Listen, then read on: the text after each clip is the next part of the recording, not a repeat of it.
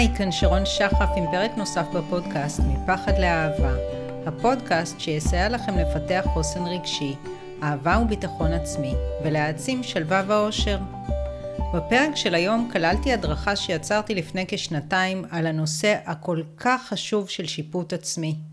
על אף שיש כבר הדרכה בפודקאסט על הנושא שנקראת חמלה עצמית זה ישנה לך את החיים, הבנתי שגם אם חלק מהדברים יהיו מקבילים וכמובן שההדרכות לא זהות, הנושא הזה כל כך חשוב וכל כך מושרש אצל רובנו, שאפשר לדבר עליו מכאן ועד הודעה חדשה וזה לא יספיק.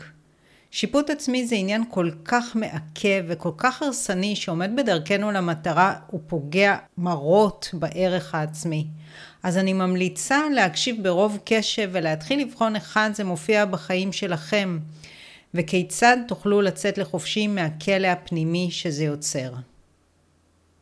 אז ככה, ממש אחרי שכתבתי את ההדרכה הזאת, יש לי חבילת קלפים שפעם הכנתי, שמכילים בעצם ציטוטים מכל מיני ספרים שאני מאוד אוהבת, והחלטתי ככה פתאום לשלוף קלף, וזה הקלף שיצא לי.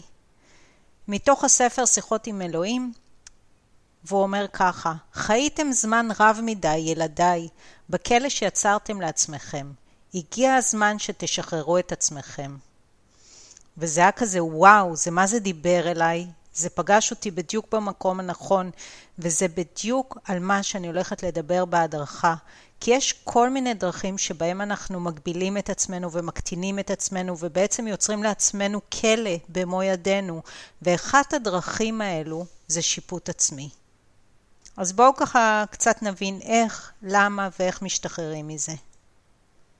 אז מה כל כך גרוע בשיפוט עצמי? קודם כל, שיפוט עצמי נחשב כדבר מקדם, והרבה אנשים ככה יסכימו עם המשפט, אם לא אשפוט את עצמי, איך אני אשתנה, אם אני לא אכעס על עצמי, על איך שאני מתנהגת ומה שאני עושה, איך בכלל אני אשתנה?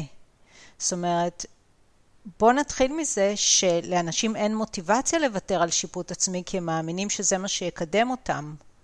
אבל בפועל, שיפוט עצמי זה למעשה סוג של רחמים עצמיים, כן כן, תכף אני אסביר בדיוק איך, והאנרגיה שהשיפוט העצמי יוצר מותירה אותנו תקועים כמו בביצה תובענית ומבאישה, ובעצם זה, השיפוט העצמי מכלה לנו את האנרגיה, אה, אנרגיה חיובית, אנרגיה יצירתית ואנרגיה שדרושה לשינוי.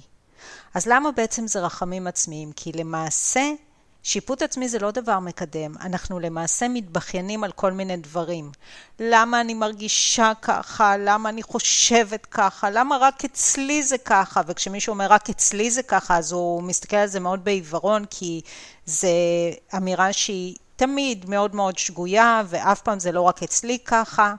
אמירות כמו הייתי צריכה לעשות ככה וככה, או למה הייתי צריכה לעשות את זה ואת זה, זאת אומרת, וזה תמיד גם באינטונציה מתבכיינת, וזה לא באמת בניסיון אמיתי להבין מה קורה ואיך אפשר לשנות את המצב, זה פשוט לשבת ולהתבכיין על מי שאני, על איך שאני מגיבה, על איך שאני מרגישה, על איך שאני חושבת, ועל מה שעשיתי, ועל מה שאולי אני אעשה, ועל מה שאולי אני לא אעשה.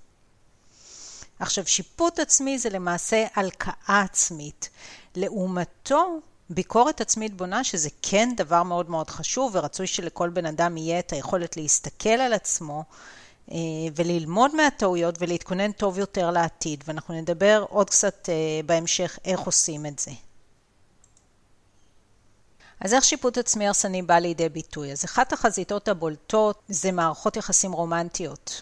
אני אביא תכף אה, כל מיני דוגמאות, ומאוד מאוד חשוב להקשיב לדוגמאות, כי אחת הבעיות עם שיפוט עצמי זה שאנשים עושים את זה, והם בכלל לא מבינים שהם שופטים את עצמם, הם חושבים שמה שהם עושים זה טבעי ונורמלי. אז אני מקווה שבהמשך לדוגמאות שאני אתן, תתחילו לזהות את זה גם אצלכם.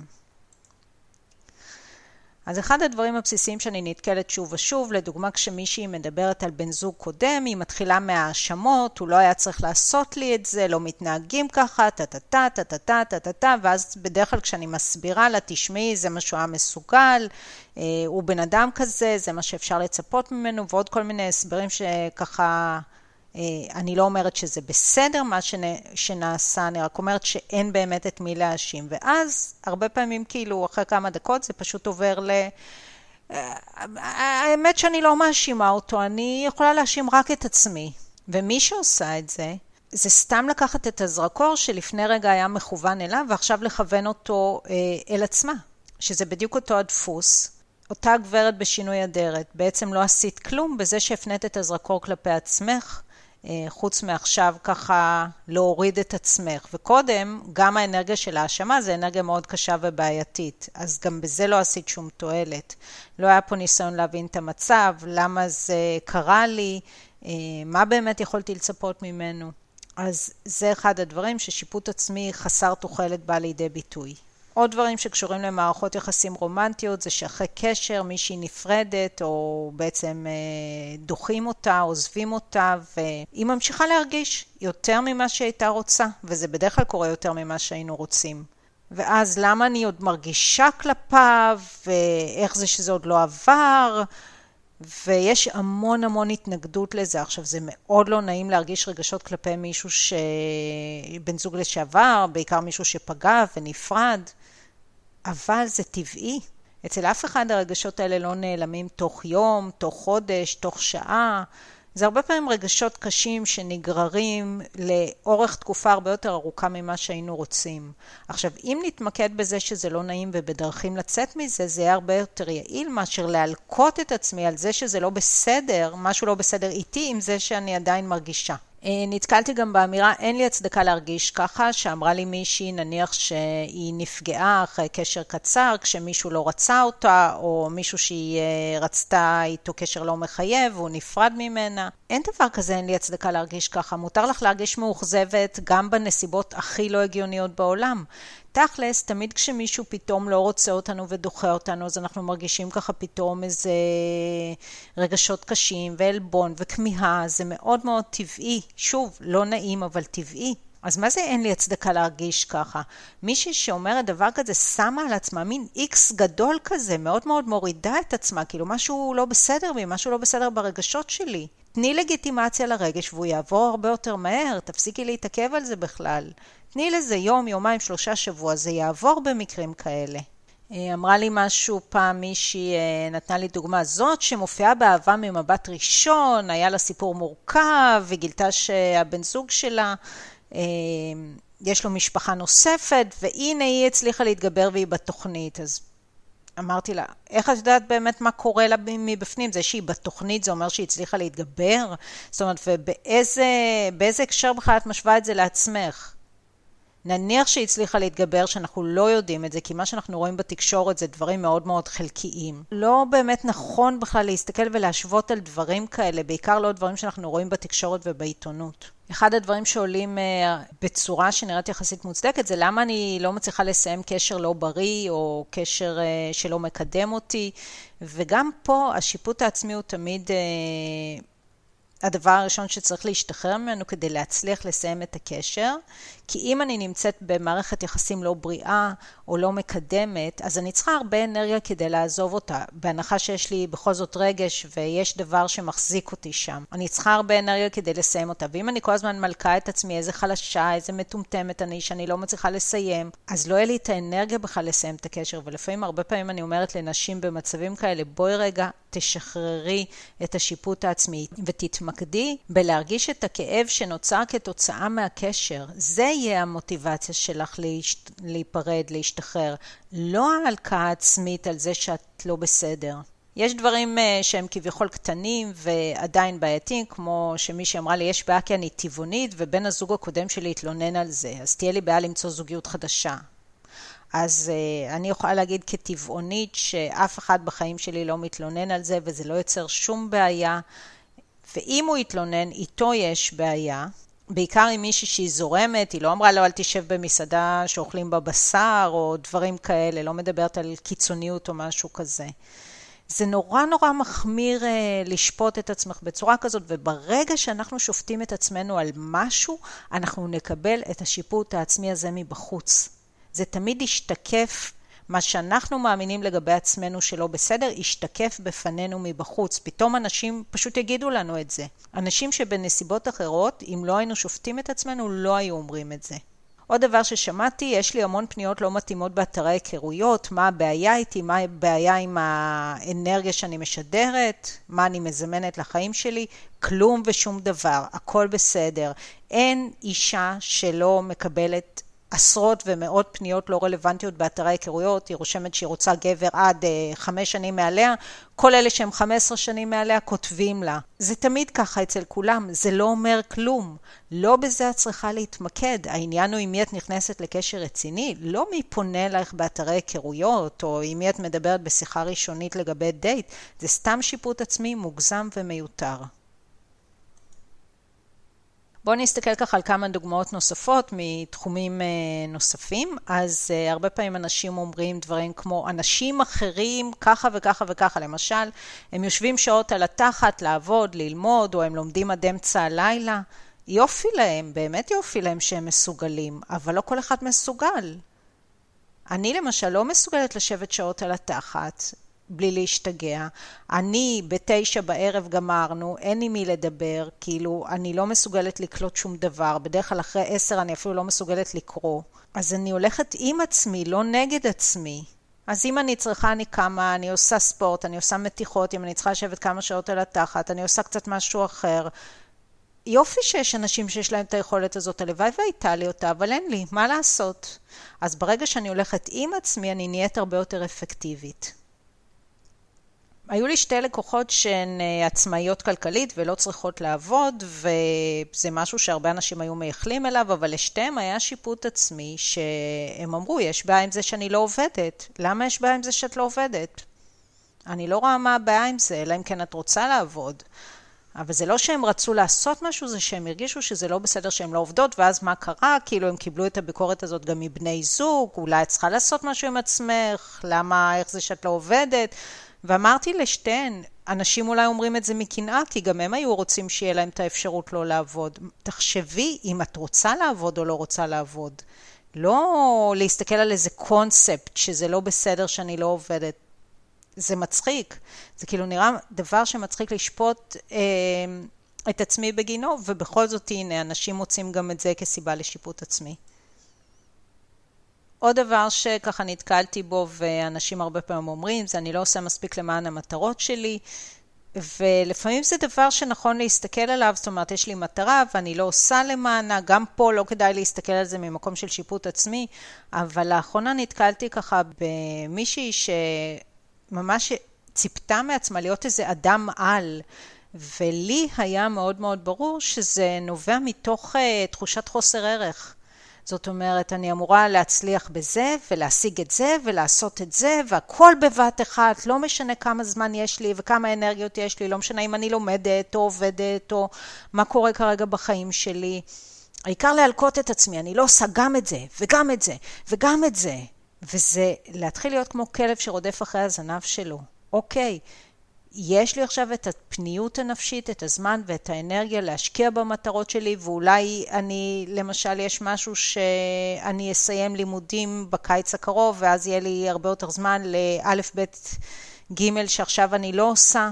קצת פרופורציות וקצת להוריד את המקום הזה, לשים לב שאתם הופכים להיות הכלב הזה שרודף אחרי הזנב ולא נהנה בכלל מרגע ההווה, לא נהנה ממה שיש, כל הזמן בתחושת תסכול, כל הזמן בפחד להחמיץ. דבר נוסף זה דיבור עצמי פוגעני, אה, שמות גנאי כמו עצלנית, שמנה, מגעילה. עצלנית זה משהו שאני הרבה פעמים מזכירה, כי אנשים נורא בקלות מדביקים לעצמם את העצלנית הזאת, אני עצלנית. בן אדם שאומר דבר כזה לא מסתכל, למה אני לא עושה?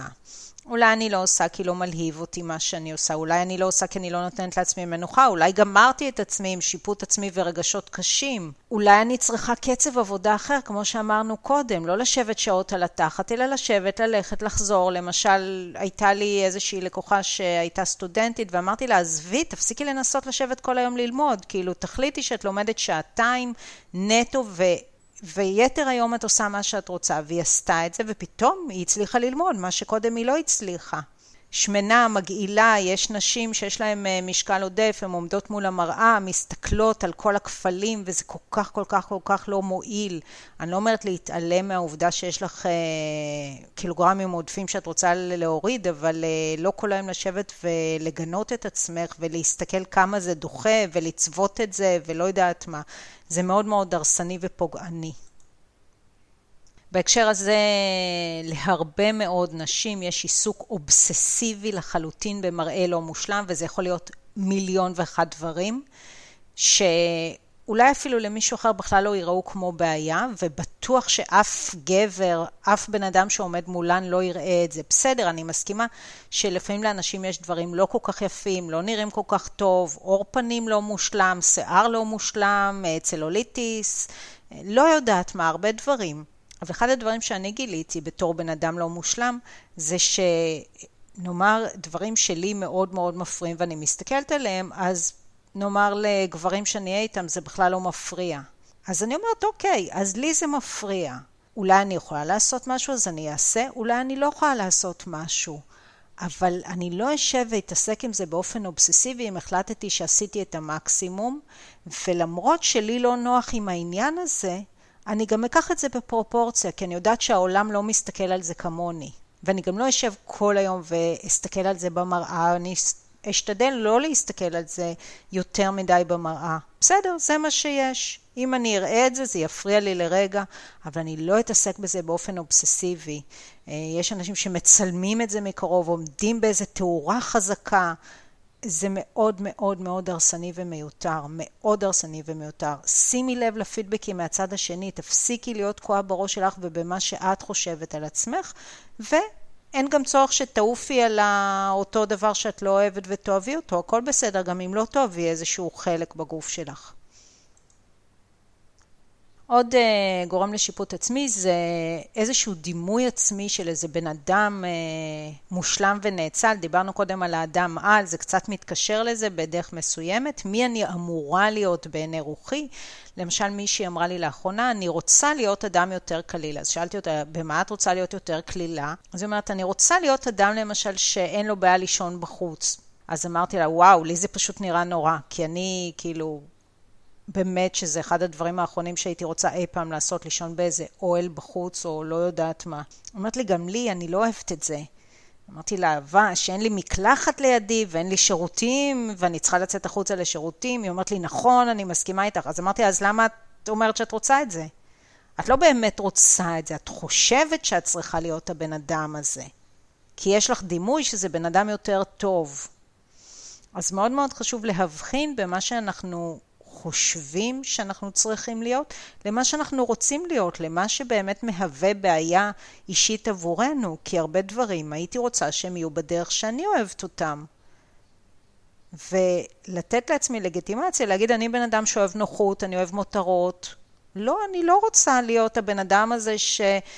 אמ, רוצה לישון בטבע, או שעכשיו אומרים לו בואי נצא ולא התכוננתי וכבר אכלתי ולא בא לי עכשיו לצאת, אז אני צריכה להיות הבן אדם הכי ספונטני שבכל זאת יוצא? לא, לא בהכרח. עוד גורם לשיפוט עצמי זה הסתכלות שטחית על תוצאות של אחרים, למשל אה, היא מוצלחת, יש לה זוגיות, אה, היא מנהלת בחירה, לה יש הרבה חברים, וזוגיות זה אחד הדברים שבאמת, באמת, באמת, כאילו הם דוגמה יוצאת דופן לתפיסה שגויה. כי אין שום קשר בין היותו של בן אדם מוצלח או לא מוצלח לבין זה שיש לו זוגיות או אין לו זוגיות, כי יש כל כך הרבה אנשים בעייתיים, סופר בעייתיים, שיש להם זוגיות סופר בעייתית, או שהזוגיות שלהם לא סופר בעייתית, הם פשוט עדיין לא פתרו שום דבר ועדיין נכנסו לזוגיות, וזה לא הציל אותם מהבעיות שלהם. אז באמת שאם היו עושים איזה מחקר כזה ומסתכלים אנשים רווקים מול אנשים נשואים ולהגיד שלרווקים יש יותר בעיות זה בולשיט מוחלט. אם אני מסתכלת על זה ברמה מאוד שטחית, אני יכולה להגיד שזה נכון, סתם ברמת שטחית תיאורטית, אבל אם אני מסתכלת על הבן אדם עצמו, בתוך הזוגיות, אם יש לי חברה קרובה או אחות או משהו כזה, אני רואה שלכל אחד יש את העניינים שלו והבעיות שלו, ו... ואין פה את האנשי על האלה המוצלחים שהם בזוגיות ומישהו בחר בהם, זה ממש לא ככה. גם את, אם אין לך זוגיות, יכול להיות שהיית יכולה להיכנס עשר פעמים לזוגיות, אבל לא רצית זוגיות כמו זאת שיכולת להשיג, וחברה שלך כן הסכימה. אותו דבר אם מישהי מנהלת בחירה או מישהו מנהל בכיר, זה לא אומר שום דבר שהם יותר מאושרים או יותר מוצלחים, ויכול להיות שיש להם מיליון בעיות אחרות. זה לא קריטריון מספיק טוב, או למישהו יש הרבה חברים, אז מה זה אומר? הבן אדם הזה בהכרח יותר מאושר, הוא יותר מוצלח, או יותר נחמד. לא, לא בהכרח, אולי הוא יותר חברותי. אבל uh, יש הרבה אנשים שיש להם הרבה חברים והרבה בעיות, גם זה. אז תסתכלו על האנשים, תדברו עם האנשים, תקשיבו לאנשים, אל תשפטו באופן קר לפי דברים חיצוניים. וזה לא אומר לא לרצות את אותם דברים, את עדיין יכולה לרצות זוגיות, או להתקדם בעבודה, או שיהיו לך הרבה חברים, אבל לא ממקום של להסתובב בעולם, משהו פגום בי, כי אין לי את זה. דבר נוסף שהוא מאוד מאוד חזק זה התייחסות קיצונית ומונעת פחד לצריכת אוכל שנחשב לא בריא. אז קודם כל, אוכל שנחשב לא בריא זה בדרך כלל אה, פחמימות וסוכרים, ונתחיל מזה שזה אפילו לא באמת נכון. אה, אני יכולה להגיד לכם שחקרתי את הנושא הזה הרבה בשנים האחרונות, בעיקר מאז שאני טבעונית, אה, ו... זה לא שסוכרים ופחמימות ריקות זה בריא, אבל uh, יש היום המון המון uh, מחקרים על זה שמזון מהחי הוא לא בריא. אני לא מנסה להטיף פה לאף אחד, אבל תכלס, כאילו, לפי מה שאני שמעתי, זה באמת נשמע הגיוני, שהרבה פעמים סוכרת והרבה מחלות זה נובע דווקא מצריכת מזון מהחי ולא מצריכה של סוכרים ופחמימות. אבל נניח שזה נכון, והאוכל הלא בריא הוא סוכרים ופחמימות. אז אכלתי קצת סוכרים ופחמימות, וואו. קודם כל, זה לא יותר משמין מדברים אחרים, אז זה לא ישמין אותך באופן אוטומטי אם תאכלי את הדברים האלה. ושנית, הכל עניין של מידה. אם אני אוכל כל יום קצת סוכרים, קצת פחמימות, אז קודם כל לא יהיה לי craving מטורף ואני אצטרך לזלול כמויות. ואם אני לא אשפוט את עצמי על זה, זאת אומרת, הבעיה הרבה יותר חמורה פה מאכילה של דבר לא בריא ולא משנה מהו, זה פחד מהאוכל, שפחד זה רגש מאוד מאוד מכלה, ושיפוט עצמי קיצוני, שאמרנו שזה אנרגיה מאוד מאוד קשה, תוקעת, מכלה, אז באמת, אם יש איזה משהו שזה הדבר שמפיל אתכם בסוף היום, זאת אומרת, אה, אני לא אכנס לזה פה לעומק, אבל אני פעם הייתי בולמית לפני הרבה מאוד שנים, והבנתי יום אחד שאם אני אכניס לתפריט שלי את הדברים הלא בריאים אה, מדי יום, ואפילו יותר מפעם אחת ביום, את הדברים שהפילו אותי, שזה היה באותם אה, סוכרים ומתוקים, אני אפסיק לזלול, וזה בדיוק מה שקרה, ואני שומרת על זה שנים רבות. אז מי ומה גורם לנו להרגיש ככה, להרגיש שאנחנו באמת צריכים לשפוט את עצמנו בצורה כזאת? אז נתחיל מזה שמי שרוצה למכור לנו משהו, למשל, תוכניות להצלחה, תוכניות לשיפור עצמי, או תוכניות לדיאטה. הרי כל אותן תוכניות לדיאטה בסוף יביאו אתכם לעוד תוכניות לדיאטה, כי אתם תעשו בדיוק את הדבר השגוי, אתם תאכלו לפי איזה תפריט נוקשה, ובסוף תסיימו בזלילה. מי לא מכיר את זה? עכשיו, בהתחלה שכתבתי את זה, אז uh, מי שרואה את המצגת, אז כתבתי פה שיפור עצמי והדגשתי את הרש, כי בהתחלה בטעות כתבתי שיפוט עצמי, ואז uh, עלה לי בראש אמירה כזאת, שיפור עצמי מביא לשיפוט עצמי, או שיפוט עצמי מוכר שיפור עצמי, תכלס.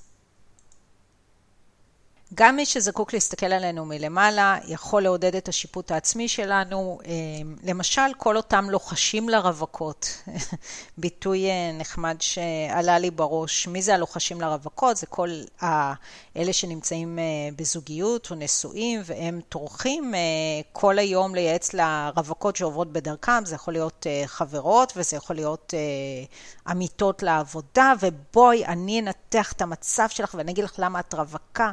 איזה כיף, איזה כיף להתעסק בבעיותיה של הרווקה המסכנה.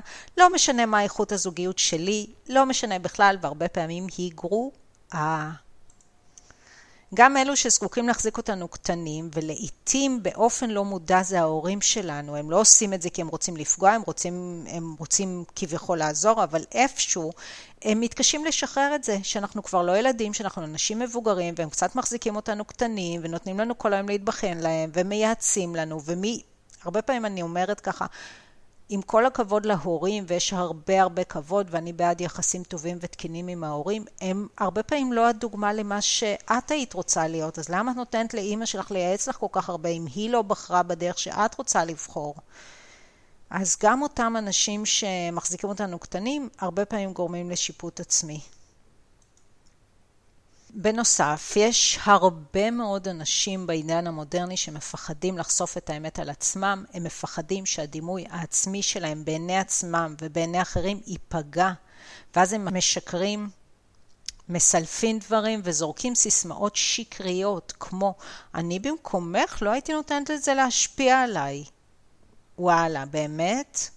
כאילו, הרבה פעמים אנשים אומרים דברים שהם פשוט לא נכונים ברגע האמת עבורם. זאת אומרת, מישהי יכולה להגיד את זה ממקום מאוד קר, אבל אם היא הייתה בסיטואציה וכשהיא תגיע או תהיה בסיטואציה דומה, לא ככה היא תגיב כמו שהיא מספרת שהיא תגיב. ואנשים אומרים, כבר לא אכפת לי, אני לא, זה לא משפיע עליי, בחרתי לא להיעלב, טה-טה-טה, כל מיני דברים כאלה שלא לא מכירים ברגש האמיתי, של לא להיראות חלשים.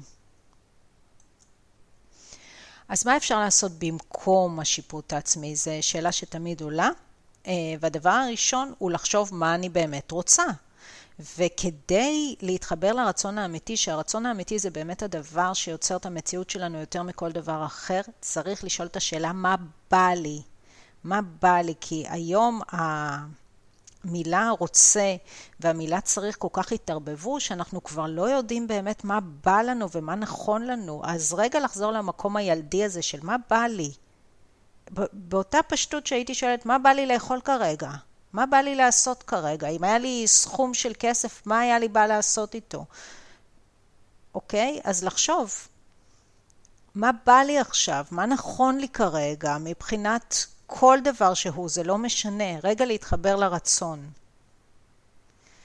עכשיו, אז תגידו, אז מה, אני אעשה רק מה שאני רוצה, רק מה שבא לי, אני לא אדפוק חשבון לאף אחד.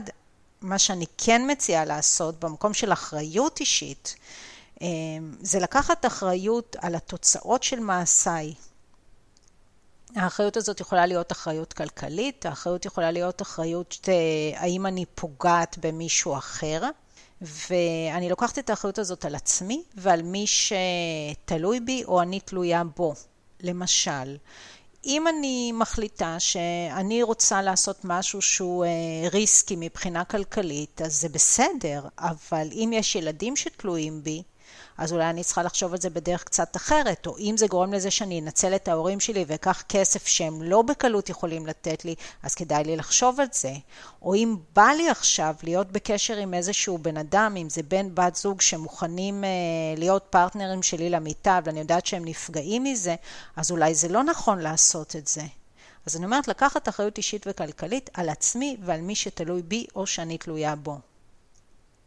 והדבר הכי חשוב זה לענות לעצמך על השאלות הבאות, שהן בעצם מהות מה שאפשר לקרוא ביקורת עצמית בריאה, וזה דווקא דבר שאנשים לא עושים. הם עושים את כל מה שדיברנו עד עכשיו, אבל הם לא עושים את זה, שזה הכי חשוב. ואלו השאלות, וממש אני מציעה לצלם את זה או לכתוב את זה. מה החלק שלי באיך שאנשים מגיבים כלפיי? ותמיד, תמיד, תמיד יש חלק. אין דבר כזה. יכול להיות מולי בן אדם סופר קיצוני, ועדיין יש לי חלק באיך שאותו בן אדם מגיב אליי. תמיד. לפעמים זה באנרגיה שאני מפנה לאותו בן אדם מאחורי גבו, אנרגיה שיפוטית, אני מסתכלת עליו בעין עקומה, אני מדברת עליו מאחורי הגב, אני uh, עושה כל מיני דברים להראות לו שהוא לא חכם, ושאני uh, יותר חזקה ונכנסת בו ועוקצת. אנחנו עושים הרבה הרבה דברים ש... Uh, מעוררים תגובתיות של הצד השני, וכשמדובר באנשים קשים, אז ברור שהתגובתיות תהיה יותר קשה, ואז אנחנו נתלונן ונגיד, אבל אני לא עשיתי ככה והוא עשה ככה, זה לא משנה חומרת הדברים, זה משנה שאני תרמתי לזה שהבאתי, אה, העצמתי את התגובה הזאת כלפיי. לפעמים אפשר למנוע אותה לחלוטין. עכשיו, שאלה נוספת היא מה החלק שלי במצב של הילדים שלי, וזו שאלה שהיא לא פשוטה, אבל שאלה שאני ממליצה לכל הורה לשאול אותה, מה בי במצב שלי, באיך שאני מתייחס לילד, במה שאני דורש ממנו או לא דורש ממנו, או מתיר לו, גורם לו ומעצים את הבעיות האלה שהילד מתמודד איתן, ותמיד תמיד תמיד יש השפעה עצומה של ההורים על המצב של הילדים, והרבה מאוד הורים נמנעים מלהסתכל על העניין הזה ומעדיפים לתייג את הילד באיזושהי הבחנה פסיכיאטרית, לתת לו כדורים, מאוד מאוד מאוד עצוב בעיניי ומאוד בעייתי. ותדעו שמעבר לכל הבחנה פסיכיאטרית, קודם כל המצב הפנימי שלכם משפיע על הילדים שלכם, ואז האווירה שקיימת בבית והיחס לילד עצמו. שאלה נוספת היא מה מושך לחיי אנשים כאלה ולא אחרים, ושוב אני מזכירה, זה לא ברמה של אה, פניות באתרי היכרויות, זה ברמה של אנשים שאני מעורבת איתם, אם זה מבחינה רומנטית, זה יכול להיות חברות, אנשים בעבודה, איזה סטנדרט של אנשים אני מושכת לחיים שלי. אנשים שאנחנו מושכים לחיים שלנו תמיד ישקפו איזשהו סטנדרט פנימי שלנו. אם אני למשל בן אדם ש... ביסוד הוא בן אדם הוגן, אה, טוב, אה, טוב זו מילה שאני לא כל כך אוהבת, בן אדם אה, הוגן, הגון, ישר, לא תמיד מושלם, אבל בסך הכל אחראי ואכפתי, אני אמצא מסביבי אנשים כאלה. אם אני בן אדם שמתנהג בצורה שאני קוראת לה הזויה, יצא לי להתקל בזה לא מזמן עם מישהי, נאמר, היא הייתה אצלי באיזה פגישה, דיברנו על זה ש... שנצא לאיזשהו תהליך, נקבע עוד פגישה והייתה אמורה להשלים תשלום ואני כותבת לה מה קורה עם התשלום כדי לדעת אם אנחנו מתחילות, היא פשוט לא ענתה לי. וואלה. כאילו זו התנהגות שבעיניי היא הזויה, אין בעיה, תגידי, חשבתי על זה, החלטתי שלא, אבל זו התנהגות הזויה לא לענות, ואותה אישה מעורבת באיזשהו קשר מאוד בעייתי עם מישהו. אז אני אומרת, זה לא במקרה. אה, שאלה נוספת זה מה אני מאפשרת. אם אני מאפשרת התנהגות מסוימת, אני אזמין לחיים שלי אנשים שיקחו טרמפ על ההתנהגות הזאת. אם אני בן אדם שמאוד מבטל את עצמו, אני אזמין לחיים שלי אנשים שיבטלו אותי, שיקחו אה, עליי טרמפ, שינצלו אותי, שיהיו פוגעניים. אז נורא נורא חשוב לקחת אחריות ולא רק להאשים. וזה הדברים שקשורים לביקורת עצמית בריאה. אז הגענו לסיום, וכמו תמיד אני מקווה שנהניתם והפקתם ערך מהפרק, ואם כן, אתם מוזמנים לשתף אותו עם אנשים נוספים שיוכלו ליהנות ממנו גם הם. אתם מוזמנים לעקוב אחר הפודקאסט, לדרג אותו, וגם ליצור איתי קשר ולספר לי מה לקחתם מהפרק ומה עוד הייתם רוצים לשמוע בתוכנית. אני מזמינה אתכם להציץ בהערות לפרק, אני משאירה שם כישורים להעמקה ופרטים ליצירת קשר איתי, אז שיהיה המשך יום מקסים ולהתראות בפרקים הבאים.